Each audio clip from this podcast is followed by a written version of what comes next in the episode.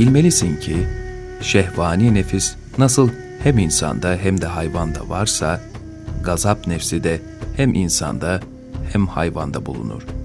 Öfke, cesaret, cüret ve galip gelme isteği bu nefisten kaynaklanır. Bu nefis, şehvani nefisten daha güçlüdür. Kişiye hakim olduğunda ve kişiyi boyunduruğu altına aldığında şehvani nefisten daha zararlı ve daha yıkıcı olur. Çünkü insan gazap nefsinin emrine girdiğinde çok öfkelenir, dehşeti zuhur eder, kini çok şiddetli olur. Kendisinde hilm, ağırbaşlılık ve vakar namına bir şey kalmaz. Küstahlığı, cüretkarlığı artar. Öfkelendiği zaman hemen intikam almaya, öfkelendiği kimseye zarar vermeye yeltenir. Hasmının üzerine atlar, cezalandırmada aşırı gider, ölçüyü kaçırır. Öcünü alırken sınır tanımaz. Çok söver, sövmede çirkefleşir. Bir insanda bu alışkanlık süreklilik kazanınca insandan çok yırtıcı bir hayvana benzer. Bazen öfke bir kavmi silahlanmaya, öfkelendikleri kimseleri öldürüp yaralamaya yöneltir.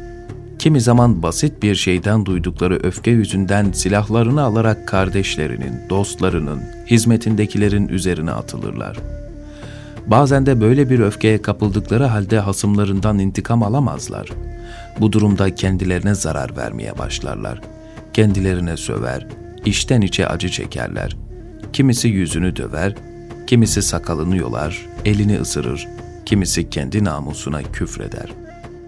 Gazap nefsinin hakimiyeti altına giren kimse, galip gelme arzusuyla içten içe yanıp tutuşur. Kendisine eziyet edenlerin başına yönetici olarak geçmek için fırsat kollar. Kendisine kötülük edenlerin önüne başına geçmek ister. Onlara lider olma arzusunu taşır. Normal yollardan başa geçemeyince de iğrenç hilelere, ayak oyunlarına başvurur. Kısaca iktidar için her kötülüğü yapar. Bu fiiller kişiyi büyük badirelere atar, uçurumlara, tehlikelere düşürür. Zira insanlara saldırana saldırırlar. Düşmanlık edene düşmanlık ederler. Kötü niyetle yaklaşana kötü niyetle yaklaşırlar. İnsanlar için kötülük planlayana kötülük planlarlar. Bazen insan düşmanına hile yapar, düşmanı ondan da hile bas çıkar. Dolayısıyla düşmanına bir kötülük iliştirirse, düşmanı ondan daha büyük bir kötülükle karşılık verir.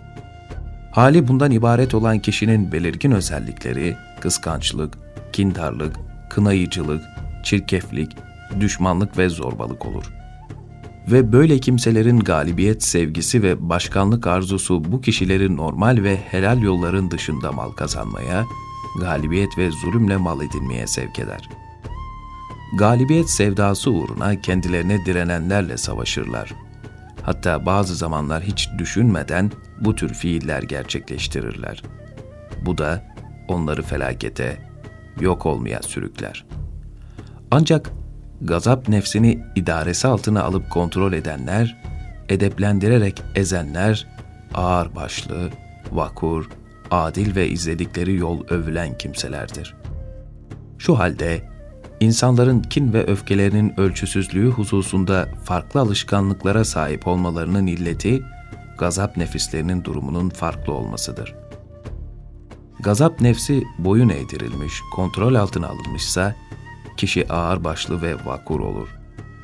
Gazap nefsi ihmal edilmiş, salı verilmişse, dolayısıyla kişiyi kontrol altına almışsa, kişi abartılı bir öfkeye, olumsuz bir kızgınlığa, ölçüsüz bir kızgınlığa ve sınır tanımayan bir zorbalığa sahip olur.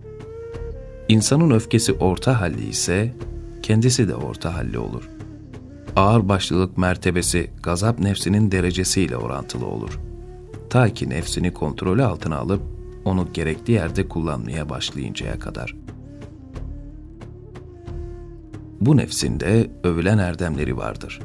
Çünkü aşağılık şeylere tenezzül etmeme, gerçek liderliği, başkanlığı isteme, yüksek mertebelere talip olma aslında övülen ahlakın unsurlarıdır ve bunlar gazap nefsinin fiilleri kapsamına girerler.